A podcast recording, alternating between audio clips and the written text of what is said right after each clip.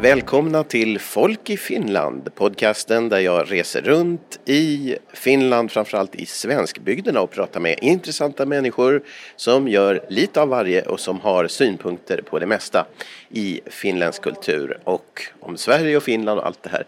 Vi gör ju också en annan podcast som heter Kulturisterna som jag ska tipsa om och den handlar ju också om kulturerna i våra båda länder. Det är jag och Erik Snellman som gör den och du hittar den på totalmedia.com. Totalmedia med TH, totalmedia.com.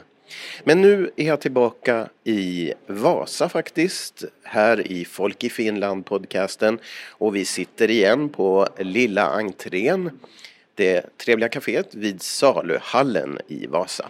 Och här ska jag nu träffa en mycket spännande ung författare. Det, hon var faktiskt den yngsta finländska författaren när hon kom ut med sin bok i höstas. Glasvaggan. Och eh, vi ska prata om lite av varje, bland annat science fiction. Välkommen hit och jag ber dig att säga ditt namn och vem du är. Eh, jag är Henna Johansdotter och eh, jag är den unga science fiction-författaren från Vasa. Ja, det stod i, i, tidningen att du var den yngsta. Det var ju kanske så i höstas. Jo. Eh, men eh, berätta, din bok heter Glasvaggan. Den är förstås på svenska och utgiven av förlaget M här i Finland och kanske kommer också den att finnas i Sverige längre fram. Förhoppningsvis. Ja, berätta lite grann, vad är det för en bok som du har skrivit? Um, det är en dystopisk science fiction bok uh, med fokus på artificiellt liv de ställs uh, lite i stil med Blade Runner om man känner till. Den har jämförts med Blade Runner och uh, Hungerspelen vilket är ju jättesmickrande för uh, det, de är ju båda fantastiska produktioner. Så den fokuserar på artificiellt liv, framställande av artificiellt liv och vad som är en riktig människa och som inte är och den utspelar sig i ett totalitärt samhälle där man då skiljer på de människorna som är så att säga äkta och de som man odlar i glascylindrar, därav titeln. Glasvaggan. Mm. Ja, men, eh, och det här området med artificial intelligence och, och sådana saker, det hade du också lite inblick i alla fall nu, eller hur? Jo, och det förekommer ju nog också i boken, eh, sån här expanderande artificiell intelligens och eh, som kan orsaka problem.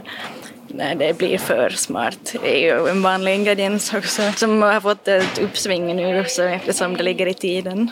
Men hur blev du själv intresserad av om man säger först och främst de här Eh, ja, vad ska vi säga, informationsteknologiska delarna.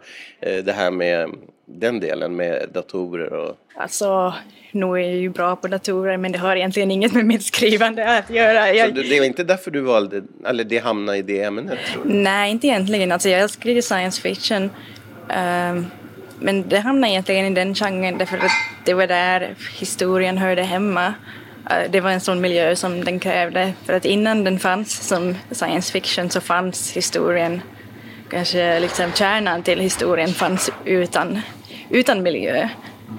Så eh, jag provade lite olika miljöer och sen blev det science fiction. Där kommer den till sin rätt. Och när vi talar om science fiction då, vi har ju haft uppe det i den här podcasten tidigare. Vad, vad är science fiction för dig och hur har det gestaltat sig då med andra ord i din bok? Mm. Uh, science fiction är för mig en väldigt fri genre.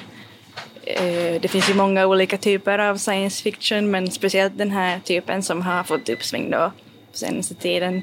Jag tyckte väldigt mycket om och som är? Uh, just kring artificiell intelligens och konstgjort liv det som jag kanske tyckte om med science fiction eller fantasy överlag var det att den är, det är en genre där man inte behöver vara bunden till sin kropp. Och eh, jag tycker att jag ibland känner mig hjälplös i en liten kvinnokropp och, och projicerar den där känslan men eh, så här i vardagen men eh, i science fiction och fantasy så kan man vara hur kraftfull och mäktig som helst att göra vad som helst oberoende av vilken kropp man lever i. Och ändå är det att man ändå behåller någon äkthet. För jag menar man kan ju hitta på vad som helst om man vill. Helt hoppa ur. Men, men är det också en fråga om att behålla någon äkta känsla, äkthet som ändå kopplar till dig själv i alla fall. Jo, jag skulle säga det. Jag tycker det märks stor skillnad på skrivande överlag om författaren har haft en äkta känsla och varit passionerad med det de skriver eller inte. Det brukar märkas i texten. Mm. Och för mig så var det, utgick jag egentligen från den känslan som jag hade och innan det blev en science fiction, eller innan det blev en historia överlag, så var det en känsla. Mm. Men eh, det här med skrivande var ju då inte helt nytt. Du var ju debutant i alla fall nu när boken kom i höstas, eh, alltså eh, Glasvaggan. Men hur är det med ditt skrivande före det då? Jag har nog skrivit sedan sexårsåldern. Jag skrev mycket olika. När jag var liten tyckte jag mycket om deckare så jag skrev ganska blodiga deckare då för hand. Och, eh, så jag skrev lite fantasy också där ett tag.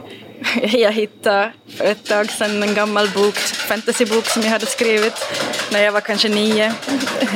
och blev helt, oj, det var liksom, det var blod och demoner och onda.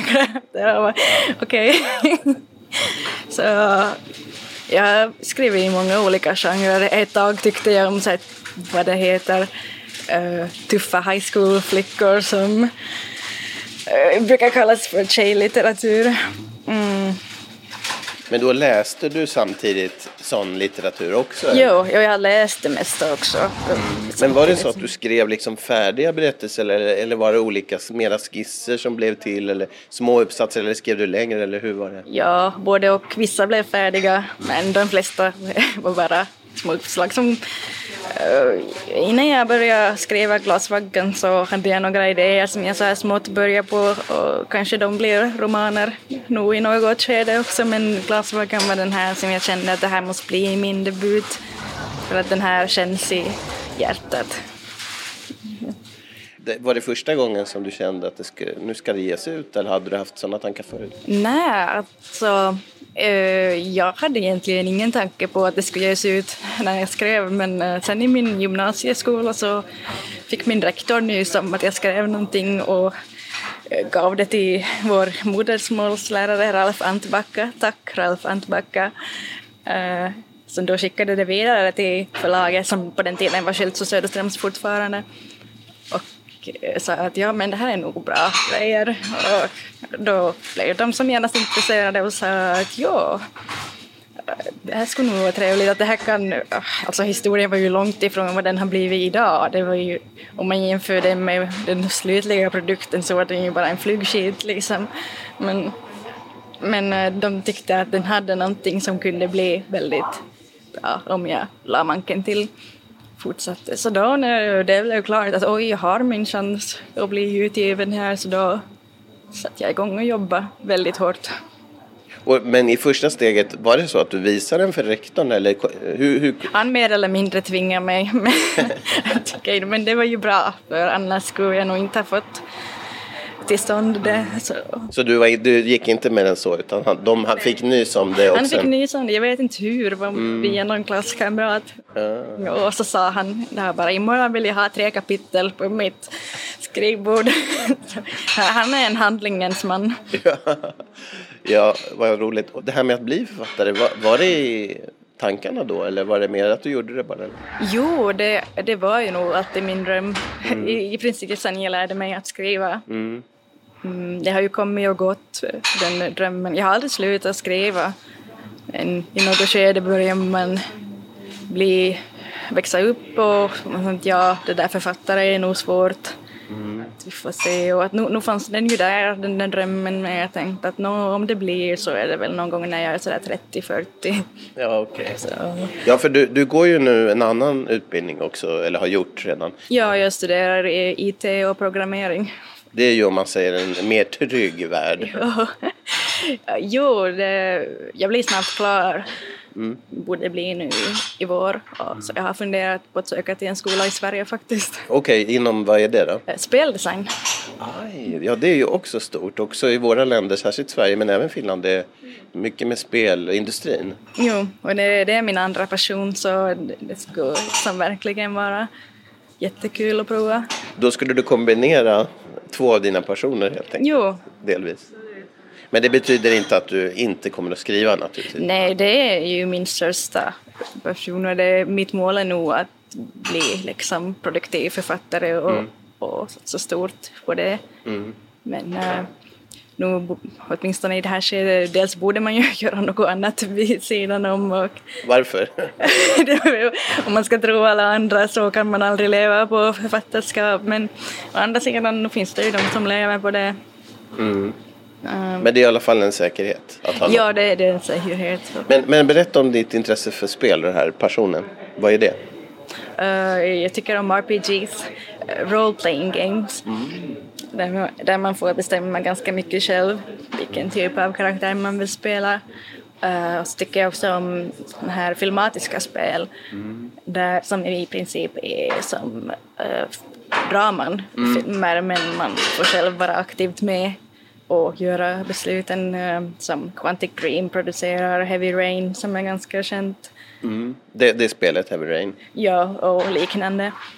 Just det, och är det, mm, vad är ditt intresse om du skulle börja jobba med det?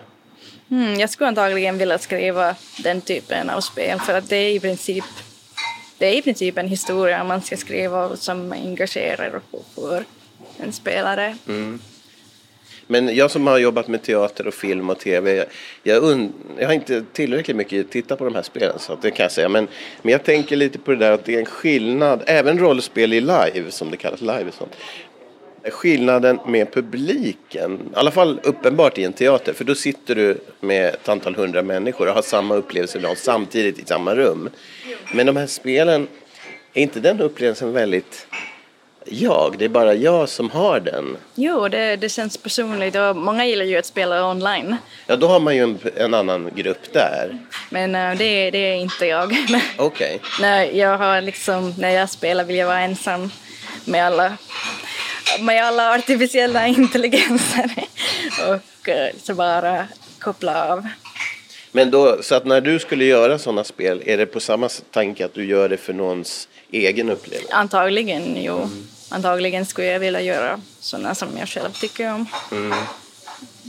Men det här med boken, när du då lämnade in den till förlaget och sen då sa du att den blev ganska annorlunda då mot vad den var före. In, när du började jobba med den sen så hände det grejer. Vad var det för process? Det var en lång process. Jag har väl, hoppas jag, lärt mig av mina misstag nu att alltid planera från början. Så besparar man sig en massa omskrivande och planera ut historien och åtminstone de främsta eller viktigaste eh, vändningarna och punkterna så att man inte måste improvisera efterhand. Mm. Mindre saker kan man lämna, det kan jag helt improvisera. Vissa delar av romanen var improviserade. Uh, men uh, sen när jag började jobba med den på riktigt insåg jag att jag kan inte bara famla runt här i mörkret, jag måste få en struktur och det här och man, jag skulle ha besparat mig mycket arbete om jag hade gjort det från början.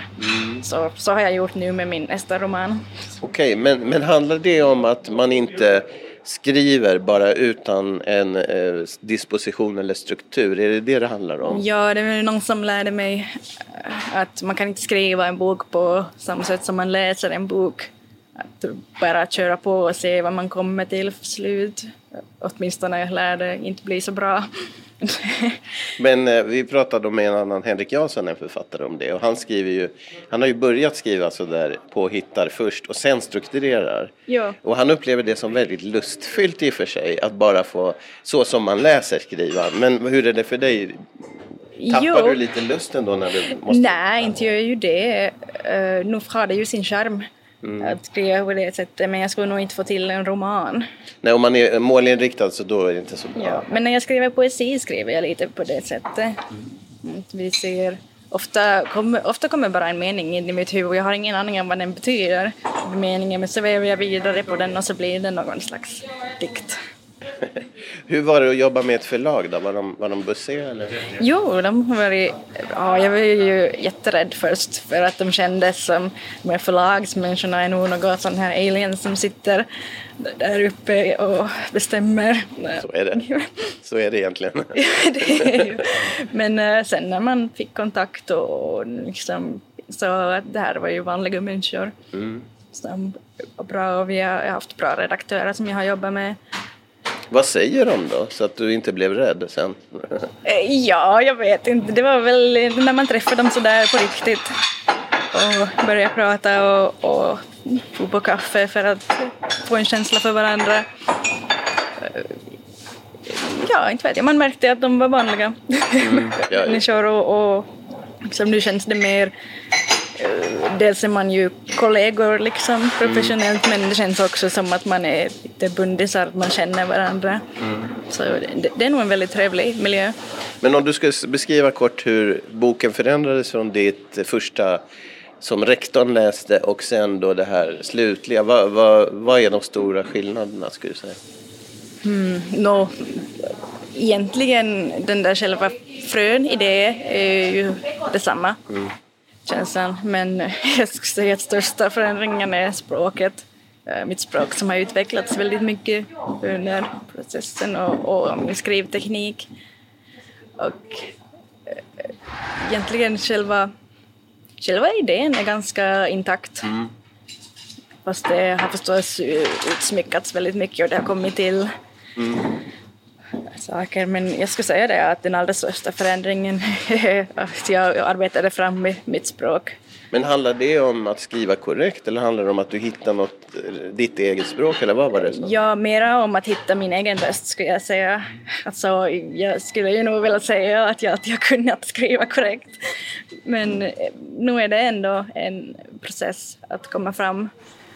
Nu har ju nu fått mycket beröm för mitt språk, även av sådana här riktiga språkvetare. Och det är ju jätte, jättekul för i början var det nog som jag fick höra att det här stället har inte så bra språk.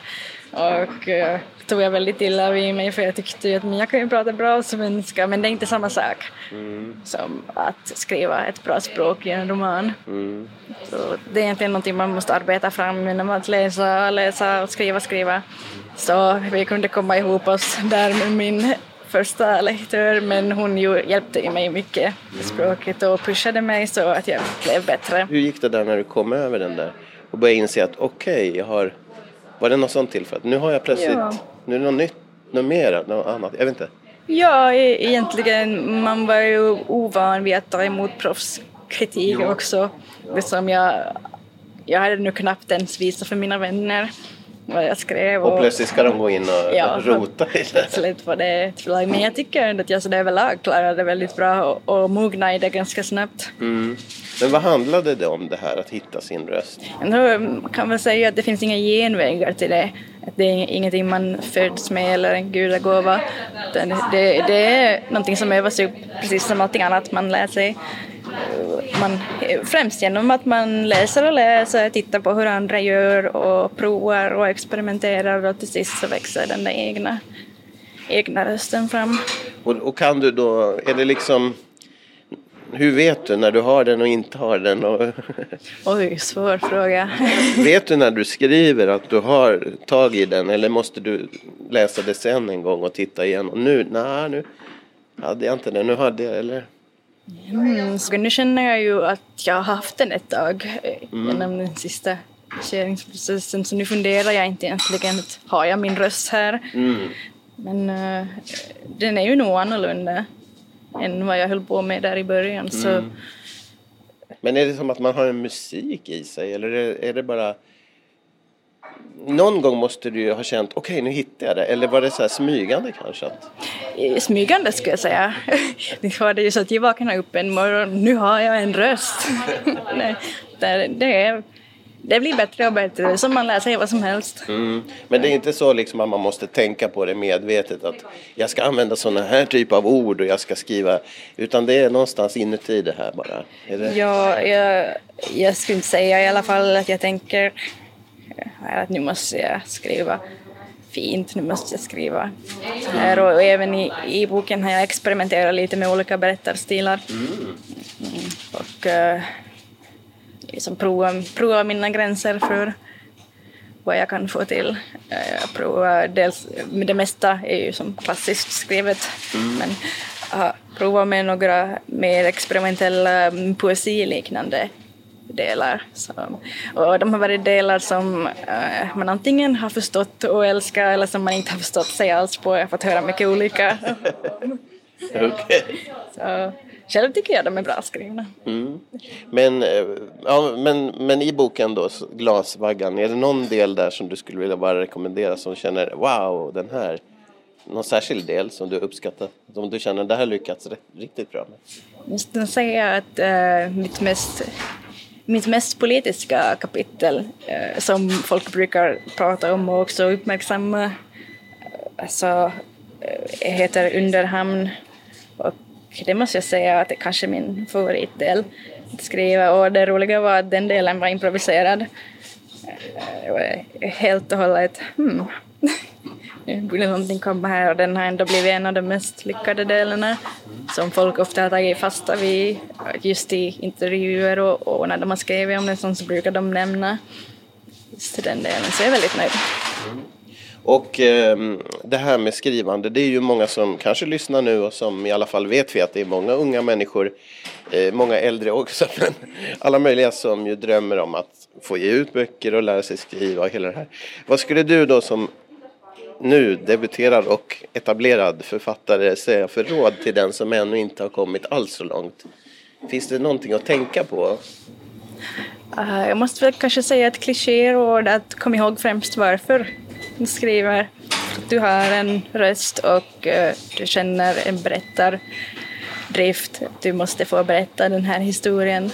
Någonting, för det brukar märkas väldigt stor skillnad på en text som är skriven enbart för att skriva en text som är skriven för att skribenten verkligen har något att berätta och njuter av att berätta den här historien. Det märks skillnad. Jag skulle säga förstås ta alla chanser du får och, och, och eh, var inte blyg. Skicka iväg till förlag och ge inte upp fast När man får nej. Ja. Men främst av allt eh, ett råd som jag själv blev jätteirriterad på när jag fick, när jag tyckte att det var jobbigt, men det är ju nog helt sant. Att glöm inte varför du skriver i grund och botten. Varför blev du irriterad på det? För att när jag, just i det skedet så var jag väldigt målinriktad och så här, jag ska bli utgiven, jag ska bli utgiven och, och, och det är klart att de hade rätt och det var ju det främst för mig därför jag skriver för att jag har något att berätta. Mm. Men just i den stunden, jag så kom ihåg, det här inte handlar om utgivning, det här handlar inte om att få, ja, det kändes som bullshit just då, men det ligger nog ändå någonting i det. Då var du, då var du målinriktad. Ja, det, var men, men det här med att eh, skriva för eh, det här som är varför man skriver, hur har det förändrats för dig under, från sex år till nu? Egentligen har det inte förändrats. Mm. Nej, jag har alltid, alltid velat berätta, alltid velat skriva. Jag har haft en, haft en tendens att försvinna helt i världar, både mina egna och andras. Eh, min mamma trodde ett tag när jag var liten att det var något fel på mig för att jag blev så obsessed med någonting och kunde inte tänka på något annat. Eh, ja, men det är ett drag som har ändå stanna med mig, att jag har vissa perioder när jag bara kan tänka på eh, en viss grej och blir helt liksom, inne i det. Eh, men det kommer och går och jag tror att det, eh, det är en bra grej som har hjälpt mig i författarskapet också, att hålla fast vid det, det som ligger varmt om hjärtat. som man vill fortsätta berätta. Och vad, vad har det betytt för dig att hålla på med skrivande? No, att få bekräftelse har ju betytt att äh, bekräftelse är ju bekräftelse. Man blir så känner man ju oj, någon tycker om det jag skriver, någon tycker att jag är mm. bra. Men, äh, Men det här med själva skrivandet tänkte jag. Vad det främst har gett mig genom åren så är väl en slags lugn och någonstans att fly till en värld där jag har kontroll. Och en, skrivande är en vän som alltid har varit där. Och oavsett vad jag har skrivit på så har man alltid kunnat gå dit och bara vara. Och då har du fått också bekräftelse? För... Ja, bekräftelse är ju alltid bra. Men glöm inte varför du skriver. det, det där eviga rådet. Okej, lite grann om vad du ska skriva här eller håller på med nu. Kan du säga något om det? Eh, jag kan säga att på sätt och vis eh, håller jag mig i samma fil som Glasögon för det, det är dystopi och det, och det är science fiction. Eh, men handlingen och liksom berättarperspektivet skulle jag säga är väldigt olika och kanske lite oväntat. Är det för att du vill prova något nytt eller är det för att du har tänkt att du har lärt dig något nytt? Jag vill prova något nytt och eh, ville utmana mig själv att skriva någonting riktigt utmanande och brutalt. Så jag väntar mig nog att folk kommer bli lite chockade efter, efter Glasvägen för att glas, vissa har sagt att Glasvägen är, är skrämmande men uh, den är nog väldigt, väldigt snäll mot det jag skriver nu. Okay. Det låter spännande och oroande. Men eh, tips till våra lyssnare, några författare som du har haft stor glädje av och som har inspirerat dig? Maria Turchaninov har ju alltid varit en förebild för ända sedan jag var liten och hörde att en författare, fantasyförfattare från Finland hade klarat det och blivit stor och kommit till Sverige. Nu för tiden känner jag henne personligen så det var ju jättehäftigt. Som också är en finlandssvensk författare då? Ja, eh, förmodligen Finlands, svensk-finlands kändaste fantasyförfattare som har... Ja, i hela världen förtjänar Jo, jo. Som har gett ut över hela världen nu. Känner att okej, okay, det går. Det går i Finland att läsa. Mm. Annars skulle jag säga att eh, jag har nog haft mycket författare från Sverige som jag har läst och beundrat. Och som en Eh, den som jag främst, jag skulle säga lite kliché, men Hungerspelen mm, är nog kanske ändå en slags vändpunkt eh, när jag liksom kände hur hon skrev. Det, eh, ja, jag gillade faktiskt böckerna innan, before it was cool. och den, innan det hade slagit igenom och jag minns när jag upp den och liksom kände av Collins språk. Och så här, på det här sättet, med den här intensiteten vill jag också skriva det här. Och det var då jag fastnade också för jag-perspektivet som hon använde. Tidigare hade jag bara använt han eller hon. Så, men okej, vad, vad är ditt förhållande till den här finlandssvenska kulturen nu som du är del av? Ja, jag måste säga att jag inte alls var bekant med den innan jag kom in i den. Förutom att du var en svenskspråkig i Finland så... Ja, alltså... Och du har väl varit på Vasateatern någon gång? jo, det har jag. Men eh, inte mer kultiverad än den average österbottningen, skulle jag säga. Eh, men Svenskfinland är ju hem. Det, det känner vi verkligen hemma här. Men jag hade inte insett förrän jag kom in i kulturvärlden hur förvånansvärt stor den ändå är för att vara ett litet område. Och, och hur, speciellt hur mycket författare vi har. Det verkar som ganska häftigt. Mm. Men din genre är ju kanske en världsgenre ändå. Tills vidare den genre du har valt nu, men du kanske jo. Men skillnad mellan science fiction och fantasy, hur skulle du beskriva det? Uh, no, min definition, eh, nu är jag ingen expert, men om huvudsakliga fokus ligger på uh, teknik som inte existerar så är det science fiction och om huvudsakliga fokus ligger på ett fantasy-element, drakar eller whatever, så är det fantasy. Men båda kan innehålla drag av varandra och man kan låna lite från uh, en annan genre för att de är ju ganska nära besläktade. Men är din, har du lånat från fantasy i din science fiction? Jo, för att äh, de här äh, glassbarnen de har ju övernaturliga krafter. Mm. Så, så där smakar det väl lite fantasy. Mm. Men du vill ändå säga att det är science fiction då? Eller? Jo, för huvudsakliga fokuset ligger på det. Mm. Enna, tack så mycket. Vad trevligt det var att prata med dig. Ja, tack själv. Det var kul.